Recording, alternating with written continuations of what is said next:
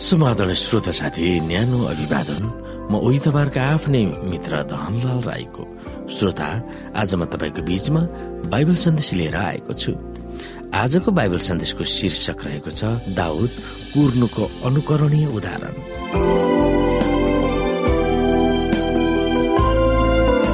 श्रोता भेडाहरू चराइरहेका केटा दाउदलाई राजा बनाउन भनेर सामुएलले अभिषेक गरेका थिए भनेर एक समेल सोह्र अध्यायको एकदेखि तेह्रमा उल्लेख गरिएको छ। तर बाबु यसैका खेतबारीबाट एरिसिलेमको गद्दीमा बस्ने उनले लामो र कठिन यात्रा गर्नु परेको थियो।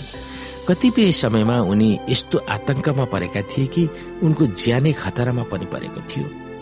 पहिले त राजाको छटपटिएको आत्मा वा मिजासलाई शान्त पार्न दाउदलाई बिना बजाउन दरबारमा नियुक्त गरिएको थियो। पछि जब उनले छ फुट अग्लो गोलियातलाई मारे तब उनी इसरायलको प्रख्यात वीर वा हिरो हुन पुगेका थिए अनि धेरै वर्ष ससुरा राजाबाट आफ्नो ज्यान जोगाउन भागेर भूमिगत हुनु परेको थियो। राजा सावल र उनका छोरा जोनाथनलाई थाहा थियो कि दाउद दोस्रो राजा हुने निश्चय थियो। तर परमेश्वरले निर्धारण गर्नुभएको लक्ष्यमा पुग्न दाउद आफैले केही प्रयास गरेन।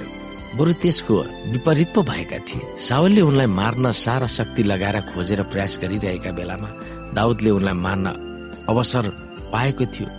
तर राजाको वस्त्रलाई अलिकति मात्र काटे त्यो पनि उनलाई पश्चाताप भएको थियो। फेरि सावलले दाउदलाई मार्न खोजेको बेलामा सावललाई मार्न उनलाई अवसर मिलेको थियो। त्यस बेला पनि उनको मौकाको फाइदा उठाएन।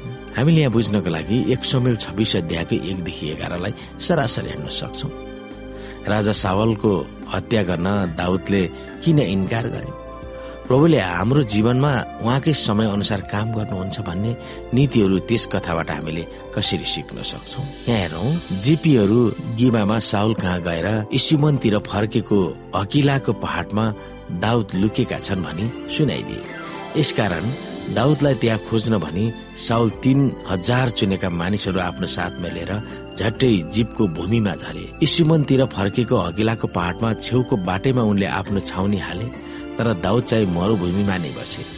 साउल तिनलाई मरुभूमिमा खेद्नलाई आएका छन् भनी उनले सुने। यो सुन्ने बित्तिकै दाउदले चेवाहरू पठाएर साउल अमुक ठाउँमा आइपुगेका छन् भनी पत्ता लगाए। कति पनि ढिलो नगरी तिनी साउलले छाउनी हालेको ठाउँमा गएर साउल र उनका सेनापति नेरका छोरा अवनेर सुतिरहेको ठाउँ देखे। आफ्नो फौजका चारैतिरको छाउनी बनाएर पंक्तिहरूका बीचमा साउल सुतिरहेका थिए। दाउदले हित्ती अहिमेलेक र युआफका भाइ सरुयाका छोरा अभिषयतिर फर्केर भने साउल कहाँ छाउनी भित्र मसित को जान्छ? अभिषेकले जवाफ दिए म जानेछु। दाउद र अभिषेक राति छाउनीमा पसेर साउललाई पंक्तिहरूका बीचमा उनको भाला चाहिँ सिरानी र भुइँमा गाडेर सुतिरहेका भेटाए। अबनेर र योद्धाहरू चाहिँ सालका चारैतिर गोलो आकारमा सुतिरहेका थिए। अभिषेकले दाउदलाई भने परमेश्वरले तपाईँको शत्रुलाई आज तपाईँको हातमा सुम्पिदिनु भएको रहेछ। भालाले घोचेर एकै खेपमा उनलाई भुइँमा रोपिदिने मलाई हुकुम दिनुहोस्।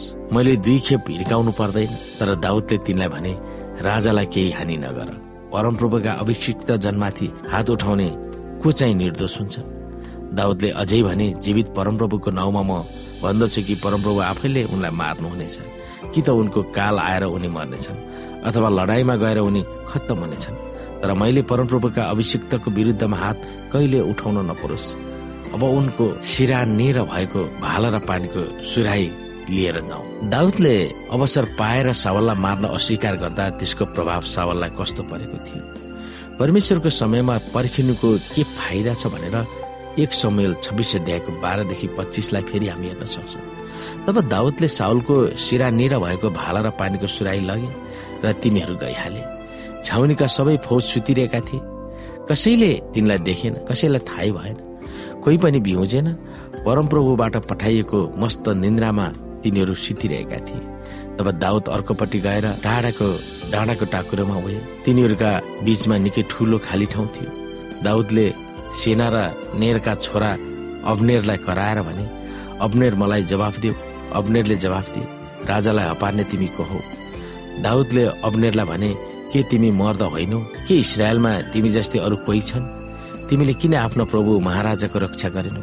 तिम्रा प्रभु महाराजालाई कसैले हानि गर्न आयो? यो त ठिक भएन। जीवित परमप्रभुको नाउँमा म भन्दछु कि तिमीहरू मारिने योग्यका छौ किनभने तिमीहरूले आफ्ना मालिक परमप्रभुका अभिषिक्त जनको रक्षा गरेन।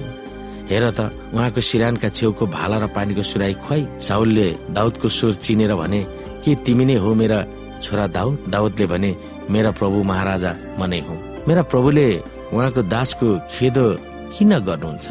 मैले के गरेको छु र? कुन खराबीको म दोषी भएको छु र?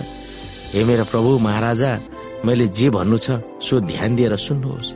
यदि परमप्रभुले हजुरलाई मेरो विरुद्धमा सुर्याउनु भएको भने त एउटा भेटी उहाँलाई ग्रहणयोग्य होस्।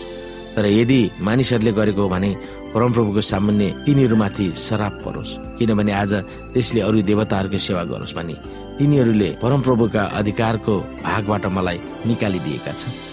र परमप्रभुको सामुन्यबाट डाँडामा मेरो रगत बग्न नदिनुहोस् किनभने राजा डाँडाहरू हुँदो तित्रालाई खेदे चाहिँ एउटा उपियालाई खोज्न निस्केर आउनु भएको छ। तब साउलले जवाफ दिए मैले पाप गरेँ। फर्केर आऊ ए दाउद मेरा छोरा आजको दिन तिमीले मेरो प्राणलाई बहुमूल्य ठान्यौ।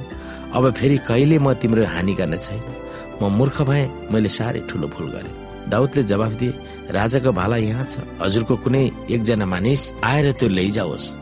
परमप्रभुले हरेक मानिसलाई त्यसको धार्मिकता र विश्वसनीयताको निम्ति इनाम दिनुहुन्छ। परमप्रभुले आज मेरो हातमा हजुरलाई सुम्पिदिनु भएको थियो तर मैले परमप्रभुका अभिषिक्त जनमाथि आफ्नो हात उठाउन इन्कार गरे। जसरी मैले हजुरको प्राणलाई आज बहुमूल्य सम्झे त्यसरी नै परमप्रभुले पनि मेरो प्राण बहुमूल्य सम्झ्यो र मलाई सबै आपत्तिदेखि मुक्त गरौँ। तब साउलले दाउदलाई भने हे मेरा छोरा दाउद आशिष तिमी माथि परोस्। तिमीले ठुला ठुला कामहरू गर्नेछौ र तिमी विजयी हुनेछौ। तब दाउद आफ्नो बाटो लागे र साउल चाहिँ घर फर्के। गाउँले गोठाले जीवनबाट यात्रा गर्दा गर्दै गद्दीमा आसिन नपुगेका दाउदको कथाको बारेमा एउटा वाक्यले संक्षिप्त सार निकाल्न सकिन्छ। परमेश्वरले नदिएको कुरालाई खोसेर लिन नखोज्नु। परमेश्वरले दिनुभएको उपहार उहाँकै हातबाट र उहाँकै समयमा लिनु अति उत्तम ठान्नु पर्दछ यसको निम्ति धेरै लामो समयसम्म कुर्नु पनि पर्ने हुन्छ। गेडागुडीहरूलाई भिजायो भने त्यसको टुसा केही घन्टाभित्रै पलाउन सक्छ तर रुखको बिउ हुर्कन धेरै वर्ष लाग्न सक्छ। तर जब हुरी बतास आउँछ तब त्यो प्राय जसो जरैदेखि उखेलिँदैन। सावललाई मार्दा ठिकै गरे भनेर दाउदले सोच्न सक्थ्यो होला। दाउद राजा हुनेछ र सावल दुष्ट भएको थियो भनेर दाउदलाई त थाहा थियो नि। तर दाउदको व्यवहारले प्रभुमाथिको उनको सत्य निष्ठा कस्तो थियो भनेर देखाउँदछ।